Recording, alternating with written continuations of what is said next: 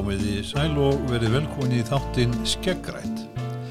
Viðmælandi minna þessu sinni er Hafdís Hanna Ægistóttir, fórstuðum aður landgræslu skóla, háskóla saminuð þjóðana. Mér finnst rétt að byrja á því að byrja þig um að segja frá því hverðu ert eða hvað hún kemur. Það er bara svona gamlum og góðum íslenskum síð. Mitt. Og takk fyrir að fá mig í þáttinn. Já, ég eh, er úr Hafnafyrðinum, semst kem þaðan, er uppalinn í Hafnafyrði uh, og er, en er ættu bæði af skeiðunum, móðu mín er af skeiðunum og, og, og, og fæði minn uh, frá Blöndósi, þannig ég bæði ættu það sunnan og norðan, um, en semst óls upp í Hafnafyrðinum en, en, en bý núna hérna í Vesturbæri Reykjavíkur. Og uh, bjóði einnig á Skagaströnd í tvö ár sem unglingur, þannig ég hef svona verið víða og svo þetta núna á fullónusárum hef ég hef verið í námi bæði búið í Kaupmannahöfn og Danmörku. Já, í Danmörku semst í Kaupmannahöfn og, og á, í Sviss þar sem ég var í námi þannig að maður hefur svona komið víða við. En svo er ég um, já, þannig að ég hef hérna sérsagt tvö börn, mann og tvö börn. Þannig að þetta er svona bara þetta klassiska Segðu mér, hvenar varstu varfið það, varstu varfið það að um, áhugið þinn á umhverjusmálunum og náttúrufræði var farin að gera vart við sig? Já, ég hugsa að það hafi verið svona nokkuð snemma, allavega það var mjög snemma sem að ég fór svona að hafa áhuga svona, já, fram að til löndum og, og svo leiðis ég mitt, bæði grunnskóla ég mitt hérna skrifaði ég rítgeð þegar ég var í tíundabekku mörgessir sem voru svona mín uppból stýr og, og ég manni fórum mikið í fjöruferðir hérna í kringum hafnafjörðin og þar þegar ég var bann og svo þetta var ég mikið eh, hjá M og Ava í sveitinni og svo framvegis. Um, en en ég var nú samt ekki eins og ég fór ekki á náttúrfræðbörði í, í framhaldsskóla, allan ekki fyrstum sinn, var svona meira var að semja ljóð og sögur og svona mikið, fyrst fyrir íslensku og svo leiðis um, og svo hef ég líka verið að syngja. Er að læra jazzsöng núna. Og en það var svona, ég man eftir því að svona þetta var alltaf blundað í mér bara frá barnæsku, en svo var það ekki fyrir en ég var svona 19 ára að ég fór í kurs í, í MH sem að er raunin svolítið breytti lífið mínu. Og það uh, Sigur Karl Stefánsson lífræðikennar í MH sem ég veit að þau breytt lífið margra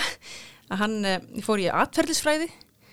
hjá honum og þá bara sá ég einhverja nýja hlið á lífræði ja. sem ég einhvern veginn hafi ekki upplefað áður og, og tók svo líka grasafræði í MH og, svo ákvæði ég sérst að þannig ég tók nokkra auka starfræða efnafræða áfunga til þess að koma svo inn í lífræðina því þá var orðin sérst uh, skild að vera náttúrfræðbröð þannig að þá byrjunni kemur þessi kemur lífræðin inn og svo þetta líka kannski annað að þegar ég var um, 17-18 ára þá fór ég í Björgunarsveit hjálpsveit skátt í Hafnarferði tók þar, klárað það nýlega programmi og fór þá, þá, fór þá að ferðast meir um landið og þá fekk ég líka þessi tengsli runni við náttúruna og verið út í náttúrunni og svo framvegis. Þannig að runni þetta sem að já, gerði svona útslægið að ég fór í lífræði á sín tíma. Nú eru fjóri skólar á Íslandi í tengslu við háskóla saminuði þjóðana þar af er uh, landkvæmslu skólinn hver eru hinnir og hvort svona, ef þú vildi segja okkur hvert er hlutverk þessara skóla? Já, sérst, uh, ég stýri eins og framhau komið landgræslu skólanum en það eru þrýra aðri skóla sem að hafa starfa undir hatt í háskóla saminu þjóðana sjávarútveikskólin, jarðhittaskólin og jafnbrettiskólin og eins og ég segi þá er þetta fjóri skóla sem að hafa starfa undir þessum hatti lengi vel, við mátt mjög gott samstarfi háskóla saminu þjóðana og uh, þessi skólar hafa það að markmiði að, að runni, e, byggja upp færni stopnana og, og, og einstaklinga e, frá, sem koma frá þrónulöndum til dæmis hjá okkur í landgærsleikskólanum þá eru við að vinna með fólki sem kemur frá Afríku og miða Asju og, og þau eru öll starfandi sérfræðingar á, á, á sviðum sem tengjast landgræslu og sjálfbæri landendingu og öðrum einhverju smálum e, í sínu heimalandi, erum öll að vinna þá hjá kannski háskólum eða rannsóknarstofnunum e, svona e, ráðuneytum og svo framvis og þannig að við erum við raun að viljum byggja upp færni innan þessara okkar samstarfstofnan í þessum löndum, í þessum fræðum, þau komast á hinga okkar svona, við erum fjöl, með fjölþætt starf í landgrænsskólanum en okkar helsta starf er þetta árlega sex mónaða námskeið sem er frá mars til september á hverju ári þar sem að við Þau, þetta fólk kemur, þessi sérfræðingar, fá bara runni eins og, þetta er svona eins og endumendun. Þau fá leiði frá sinni vinnu og sínu vinnuveitenda til að koma hingað í sex mánuða nám og koma að fara svo aftur til síns heima og er hún að miðla sinni þekkingu þannig að þetta er grunnurinn í okkar starfa að byggja upp færna þekkingu á sérsviðum skólana þá er það í, hjá sjárútskólanum jarðhætti hjá jarðhættaskólanum og svo jafnbrytti en hjá, hjá, hjá jafnbrytti skólanum en við erum sérst að vinna með landgæslamálin Nú ertu að fara, já, á nýju árið þá myndu hætta sem fórstuðu maður skólans. Já. Það er að verða einhver breyting á uh, skipulagi þessara skóla, er það ekki rétt? Uh, jú, það verður, uh, núna er sagt, eru skólanir uh, uh, á nýju ári þá munum við fara undir eina miðstöð sem er bara mjög spennandi og við munum hefja samstarfið í UNESCO í staðin fyrir háskóla saminu þjóðana sem er bara við erum bara mjög spennt að sjá svona það koma nýtt tækifæri. Um, þannig að skólaðin er mitt hafa starfa undir hatti háskóla saminuð þjóðana og því mun ljúka núna í ár. Um, en við munum hefja starfið í UNESCO undir þessari samílegu miðstöð um, uh, sem sagt þekkinga miðstöð um þrónasaminu á nýju ári. En það er unni samt uh, mun ekki breytaninu þannig í sambandi við hvað starfið okkar. Við erum ennþá hýst landgræstu skólinn er hýstur hjá Landbúrnháskóla Íslands uh, Kjeldná, í Kjeldnálti í Reykjavík í samstarfi, nánu samstarfi við landgræsluna og við verum ennþá hýst á sama stað, við erum ennþá með okkar nám, það er bara svona, það er bara þetta, við erum þá komin í samstarfi við aðra stopnum saminuðu þjóðana, þá núna UNESCO í staðin fyrir háskóla saminuðu þjóðana og, og munum þá auðvitað vinna en, en, eins og áður með utrækisafundinu og svo nú er þessi miðstöð sem er svona sjálfstæð miðstöð e, sem að munum vera með já, sem kannski tengir okkur ennþá betur í UNESCO og svo framvegist, þannig að það er raunni breytingin. En eins og nefndir að þá, um, það ekki, tengist ekki þessar ákveður minni um að núna að, segja starfið mín lausu, ég er bara, sem þetta er búin að vera, búin að vera þá þegar ég hætti í Lokmars í 12 ár, já. búin að vera alveg ótrúlegu tími, alveg frábær, algjört æfintýri, búin að ferast um allan heim og, og, og upplega mikið og og þetta var mjög erfið ákvörðun af því að ég mitt starfið svo frábært og svo frábært samstagsfólk en ég fann bara að ég, þú veist það væri komið tíma á mig að nú langaði mig bara að breyta til. Þannig að Já. það er rauninni ástæðan fyrir minni ákvörðun. Þú nefndur þú að farið við um heim þá meðal annars og ekki síst til þess að ræða við verðandi nefnendur Já. Ég sá einhver staðar að þú hefði farið til Ghana og Níker, Eþjópíu, Malawi, Uganda, Lesotho, Uzbekistan já, já, og viðmáðu það hvað. Þetta lítur að hafa verið já, mjög fræðandi ég vil bara, maður segja, ævintir að fá að sjá þetta alls saman. Já, þetta er þetta lönd sem að væri, kannski mörg þessar land er ekkit lönd sem að væri annars að ferðast til. Þetta er búið að vera algjört ævintir og eins og kom fram að þá er okkar helsta okkar helsta starfi er þetta sex mánuða nám og þá er mitt höfu verið að fara síðastlegin ár og taka viðtöl við þessa kandidata sem að, þannig við tökum persónuleg viðtöl og fáum einmitt alveg frábært fólk til okkar af því að við erum að handvelja þau. Af því að við eins og ég nefndi þá erum við að byggja færni innan stopnan í þessum samstagslöndum okkar og, og, og þetta þessi sérfræðingar sem koma til okkar við erum ekki bara að þjálfa þau heldur líka viljum að þau miðli sinni þekking og reynslu. Þannig að við viljum að það hafi svona þannig áhrif að þetta hafi áhrif á fleiri heldur en bara þau. Þannig að við viljum velja þau vel. Þannig að við erum um þetta að fara eins og nefndir við erum að fara til þessar landa til að kynast aðstæðum í þessu löndum uh, farin á þessar stopnarnir, okkar samstæðstofnarnir og tala við þeirra, það er yfirmenn og sjá hvað þau eru að fást við og hvaða áskorunni þau þurfa að takast á við og svo taka persónuleg viðtölu en svo líka höfum við núna nýlega fyrir nokkrum árum þá hófum við svona stittri námskeið. Og það er það sem að hini skólanir sýstu skólar okkar hér í Íslandi hafa líka verið að gera. Og við höfum verið, byrjuðum með við erum búin að vera með þrjú námskeið í Uganda og tvö í Mongóli og þá höfum við verið að fara og halda, þessi námskeið er alltaf haldið þá með okkar samstofnunum e, í þessum löndum. Okkar fyrrum nefnendur úr sexmannanáminu koma þá eru líka þá að aðstóða kannski er að kenna smá í þessum námskeiðum. Þannig að þetta en þetta hefur verið mikið æfndir og segja, fara til þessar landa, fara til Mið-Assi, Úsbekistan Kirkistan, þetta er þetta bara algjört æfintýr og svo Afríku þau, þau löndur þetta mjög misjöf líka veist, þetta er þetta Afríka er reysastór heimsálfa með, með, með alls konar menningu mismöndi menningu og tungumálum og fólki þannig að þetta er, og náttúru Já, en hvað, hvað getum við kent þessu fólki höldum okkur við landgærslu skólan? Já, sko það sem að við auðvitað eigum hérna í Íslandi langa sögu um uh, landeyðingu og svo landgræslu hmm. svo við veitum að þá bara hérna í rauninni þegar uh, þegar land, landnámsmyndirni komu þá, þá höfum við þetta sagt, uh, vitum við það að landi var við, hérna viðvaksins sagt er. Uh, og, og um, en svo var skóurinn hogginn og, og, og, og það var hérna komið hérna búpenningur og það var þú veist verið að beita auðvitað landi allan ásins ring og þetta auðvitað eftir, eftir nokkra aldir af, af, af þessi landnýtingi var ekki sjálfbær þess að búið að höggva allan skógin og, og, og, og þessi viðkvama náttúri hérna með, með þannig eldfjallajarfi sem er auðvitað mjög frjósamur en þegar gróður, gróðurhulan er farin þá auðvitað er hann mjög rofgjarn Já. og þannig að þannig að ástandi hérna eins og við vitum í, sagt, inn í kringum 1900 það var, var mjög sleimt og sérstaklega eins og uh, eins og í kringum Gunnarsvolt þar sem höfustöða landgarslennar eru og fleiri, fleiri staðar á Suðurlandi þar sem að í rauninni bæn, sérst, bæir voru að fara í eyði bara út af sandfóki Já. þannig að þá var auðvitað þá sandgræðslan sem er þá um, þess sem þá hétt 1907 var þá sett á stofn og hérna þannig að við höfum bæði þessa laungu sögu um landeyðingu og svo, og minn Ísland var mjög fátætt land þess að við vitum og það og svo þessa yfir hundra ára sögu þar sem að við höfum verið að græða upp illafari land. Mm. og á þessum árum þannig að það er þetta sem við höfum að, höfum að miðla í rauninni að í þessa laungu sögu um, og, og þess að bæða landeyðingu og svo landgræðslu. Og þannig að við höfum mikla miðla til þessara til okkar samstagslanda í Afríku og Miðasju og við vorum líka veist, mjög fátæk og þurftum að nota innföldar aðgerðir, þess að það er virkilega bara hugvitið, hvernig getur við nota þetta á þess að kosti mjög mikið. Þurfum ekkert endur alltaf stór tæki skilur. þannig að það er það, það sem við höfum að miðla. Og svo líka það að, að, að, að það er svolítið sérstætt eh, að koma hérna í sex mánuða nám, koma frá löndum í Afríku og Miðasju og koma hinga til Íslands þar sem er alltaf einu menning og þannig að það er líka bara svo mikill lærtumir sjálf og sér að koma saman, karlar og konur frá mismunandi löndum, mismunandi trúabröðum, vinna hérna saman. Og, og, og við erum líka að læra bara mjög margt af þeim og þau eru einhvern veginn svona að e, læra mjög mikið hvort öðru þannig að þetta er bara svona verður svona suðu pottur af lærtumi getum að sagt. Þannig að þetta er að við og það sem að líka það sem að maður hefur síð á þessum ferðum.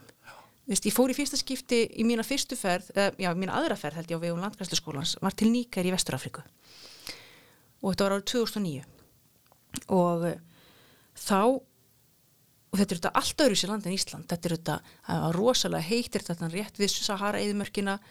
allt öðru menning og fólk og tungumál en var, uh, það var þarna maður frá, frá háskólanu sem fór með mig hérna, og skoða svæði rétt við Níkær ána og mér fannst ég bara að sjá sko aðgerið landgræslunar, þetta var þetta bara gullinsandur en ekki svartur. Og, og þeir voru að berjast við sandfók sem að, sem að fór þarna niður í ána og hvernig voru að hef, hefta sandfókið bara myndi mjög mikið á svona landgræslugerðingar og, og, og svo hef ég eftir þetta fæðast til margra landa eins og Lesotho sem er há, mjög svona hálend land, mjög fátagt uh, sem er umlökið í Suður Afríku, þetta er semst í Sunnaverðar Afríku og þar er er mjög svipaðar svona áskoranir eins og Íslandi í sambandi við, við, við, já, við beit og við ímislegt, svona bara landnýtingin svolítið svipuð og þá bara, við veit áttum að sjá á því að það er unni hvar, hvar sem við erum í heiminu þá eru við að takast á við sömu áskoranir. Það skiptir ekki máli hvort við erum á Íslandi, í Mongóli eða Lesotho eða Uganda. Það eru svipaðar áskoranir þar sem að kannski skóur er hokkinn eða við erum að beitaland of mikið þar sem að getur ekki jafna sig eða það er kannski námivinnsla eða eitthvað svo leiðis þannig að þetta eru sömu ástæðuna fyrir því af hverju landin hnignar og svo eru líka sömu það sama sem við getum gert til að bæta landi þegar við gera það heilbreyðara að græða upp íllafæri land. Þannig að, þannig að það er þetta sem við erum að bjóða upp á Ég segi mér, þegar þetta fólk kemur til Íslands frá ímsum löndum, karlar og konur hvern, og kemur ég á mismöndi trúabröðum og guðum og þetta hvað hvernig gengur þessu fólk að vinna saman? Og með okkur Íslandingum Já, já, einmitt. Það gengur bara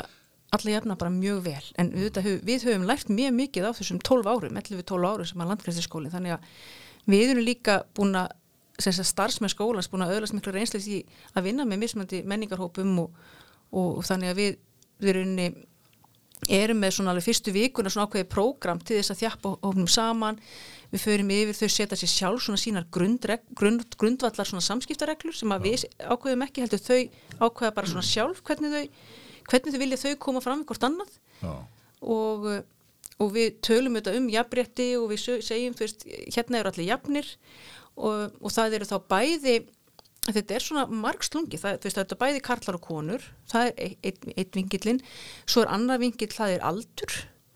að þau kannski við erum með svona fólk frá 25-40 svo kannski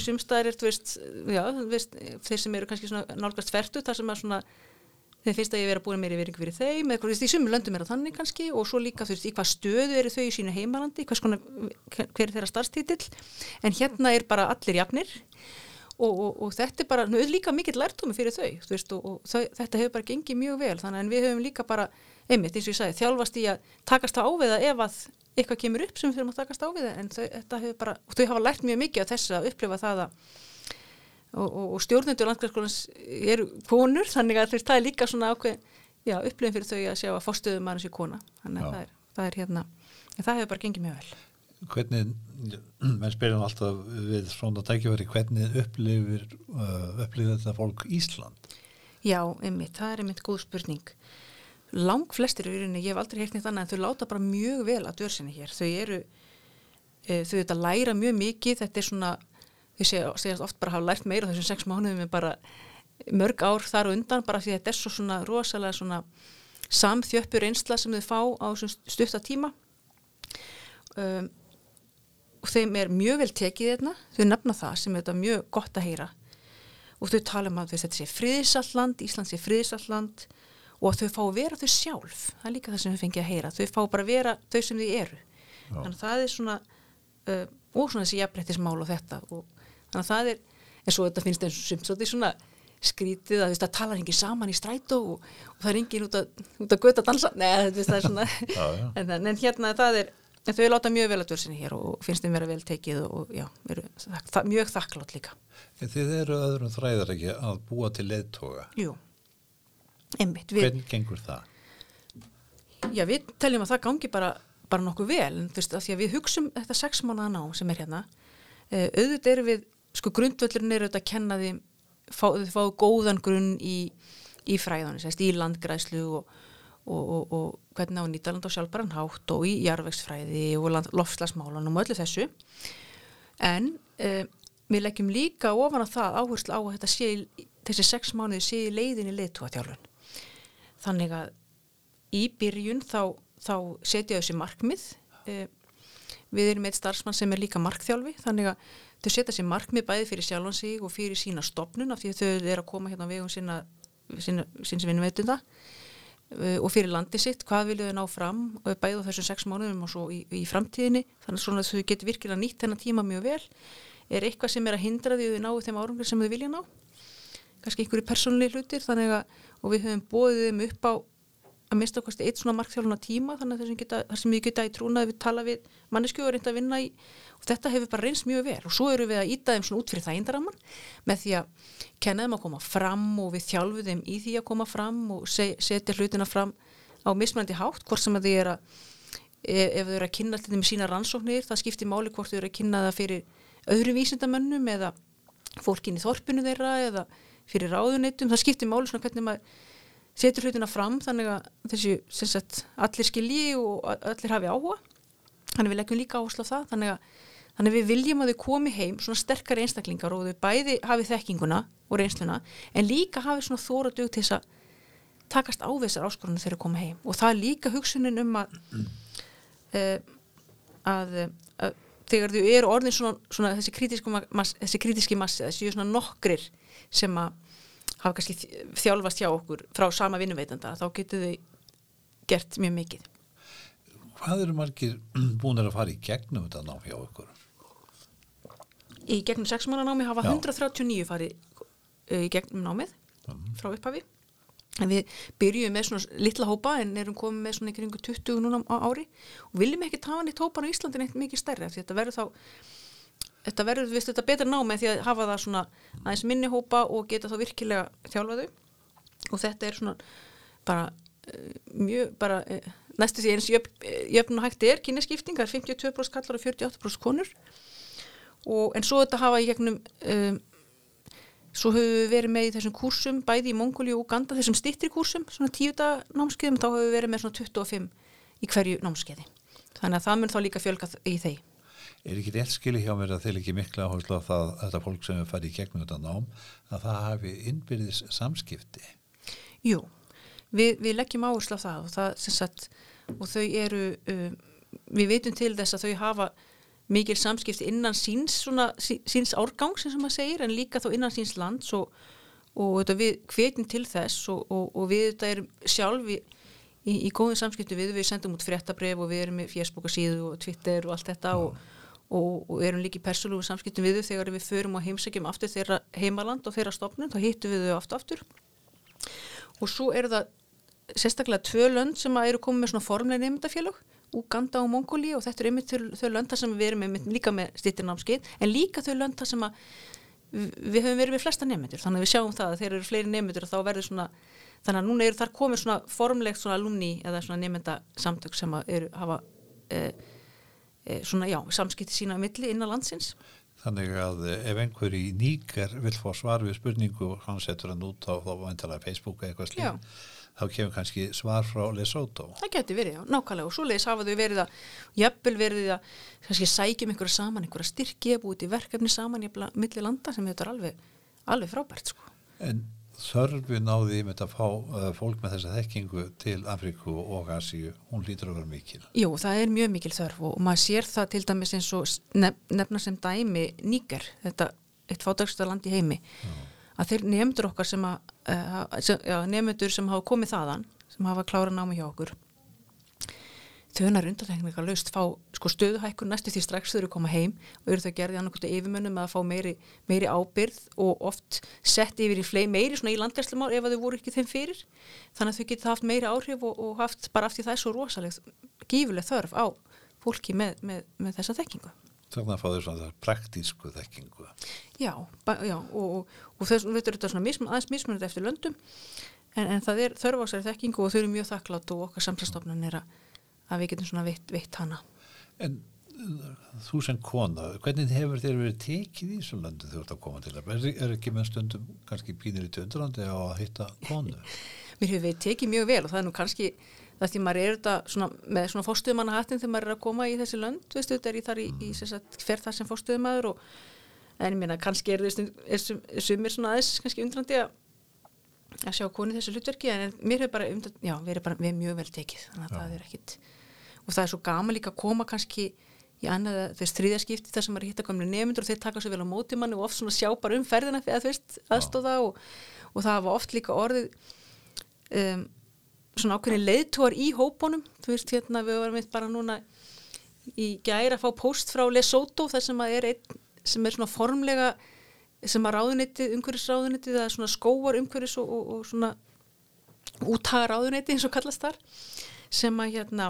er búin að gera einn af okkar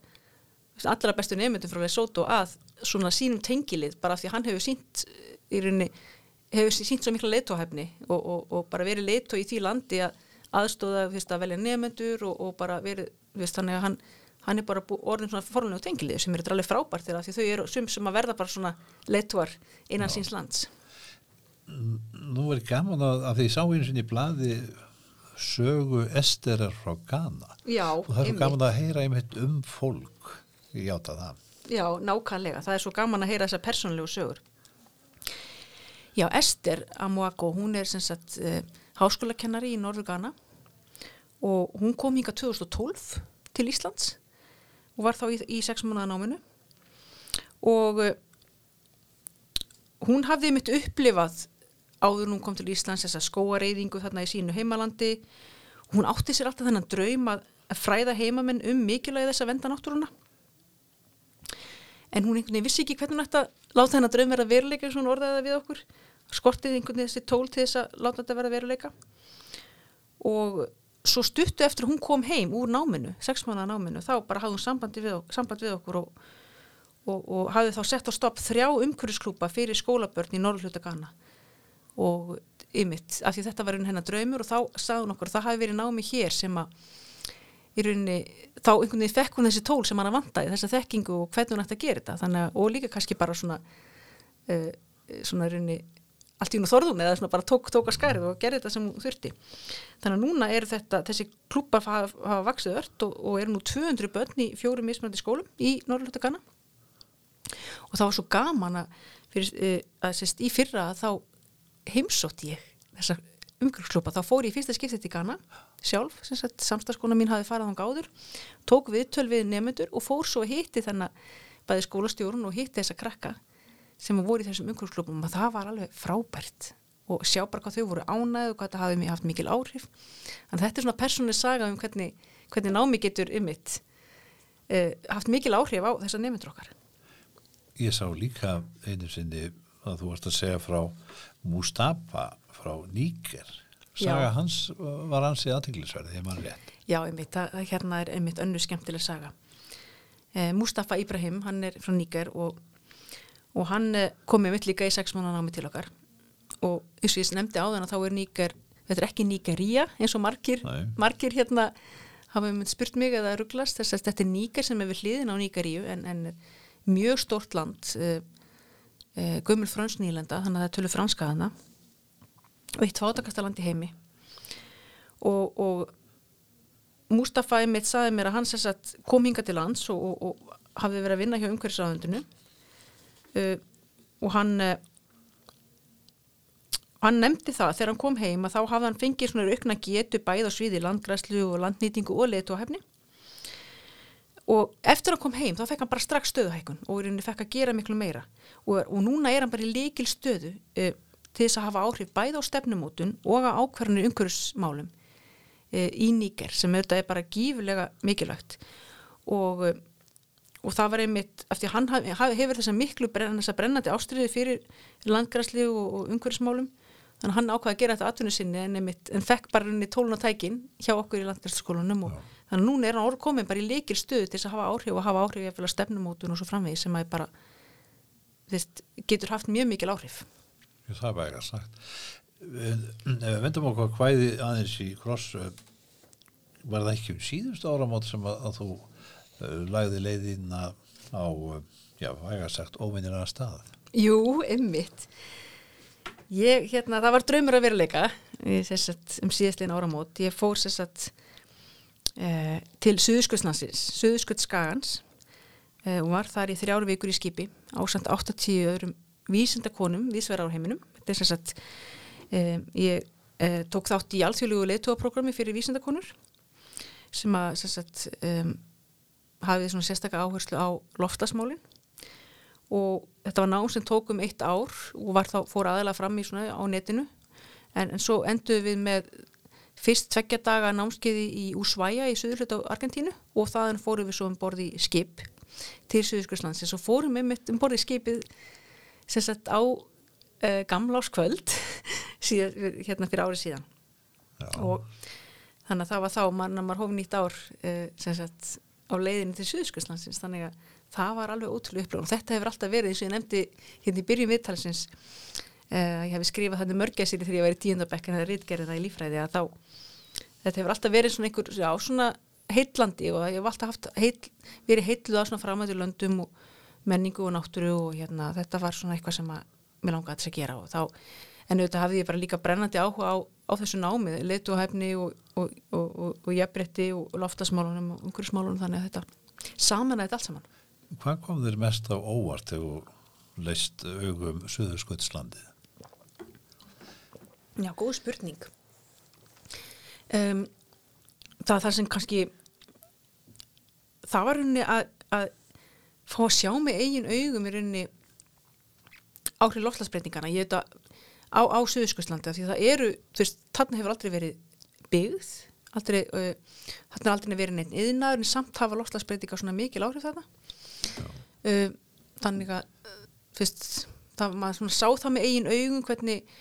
hvernig hérna uh, bara í veðufarir að breytast og svo framvegis og, hvernig, og maður lærið um það hvernig hvaða áhrif þetta er að hafa á, á lífríkið. En svo þetta bara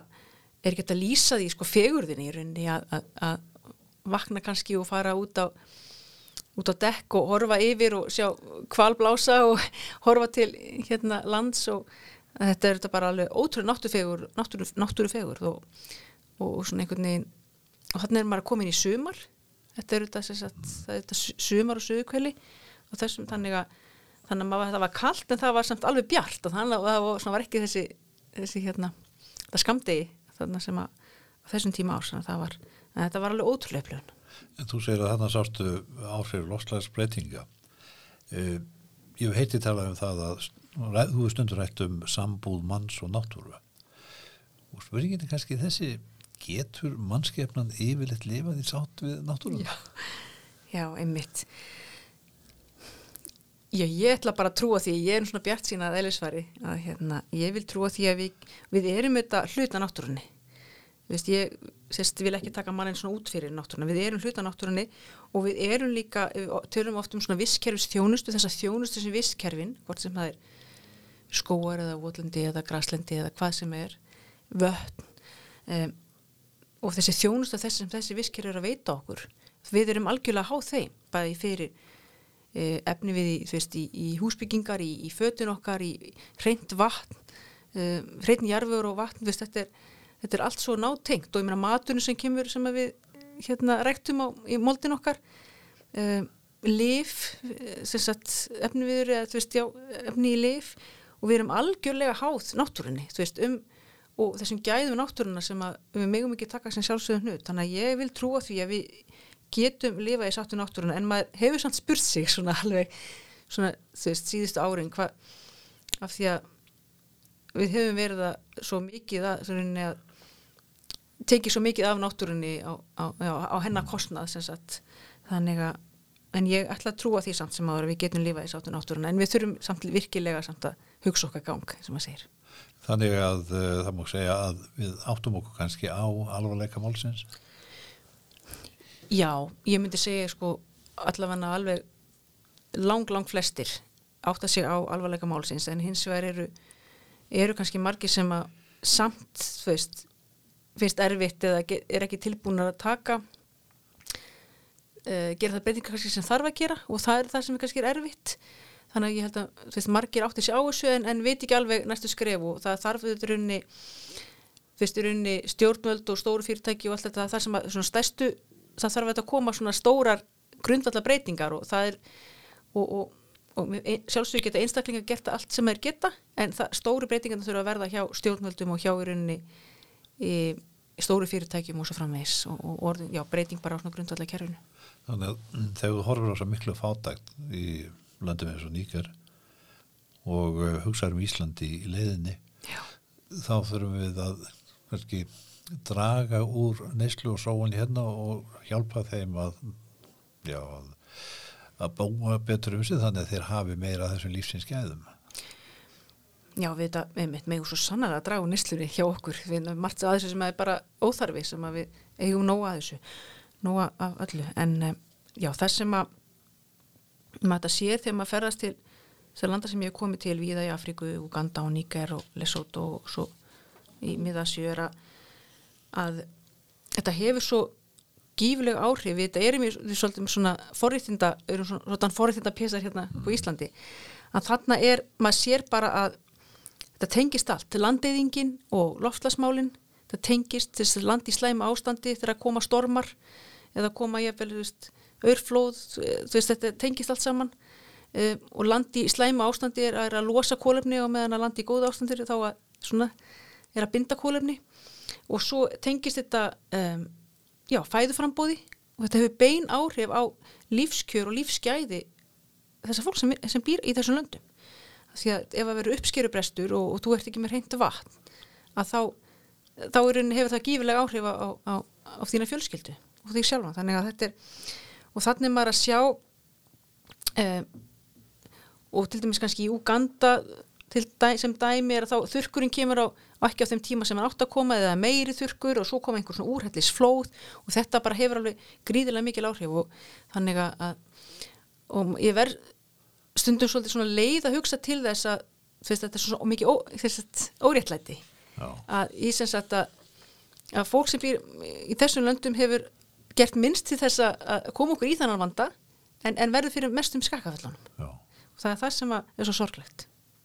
Það tekur náttúrulega hvað en þúsund ára mynda 2-3 cm á erfi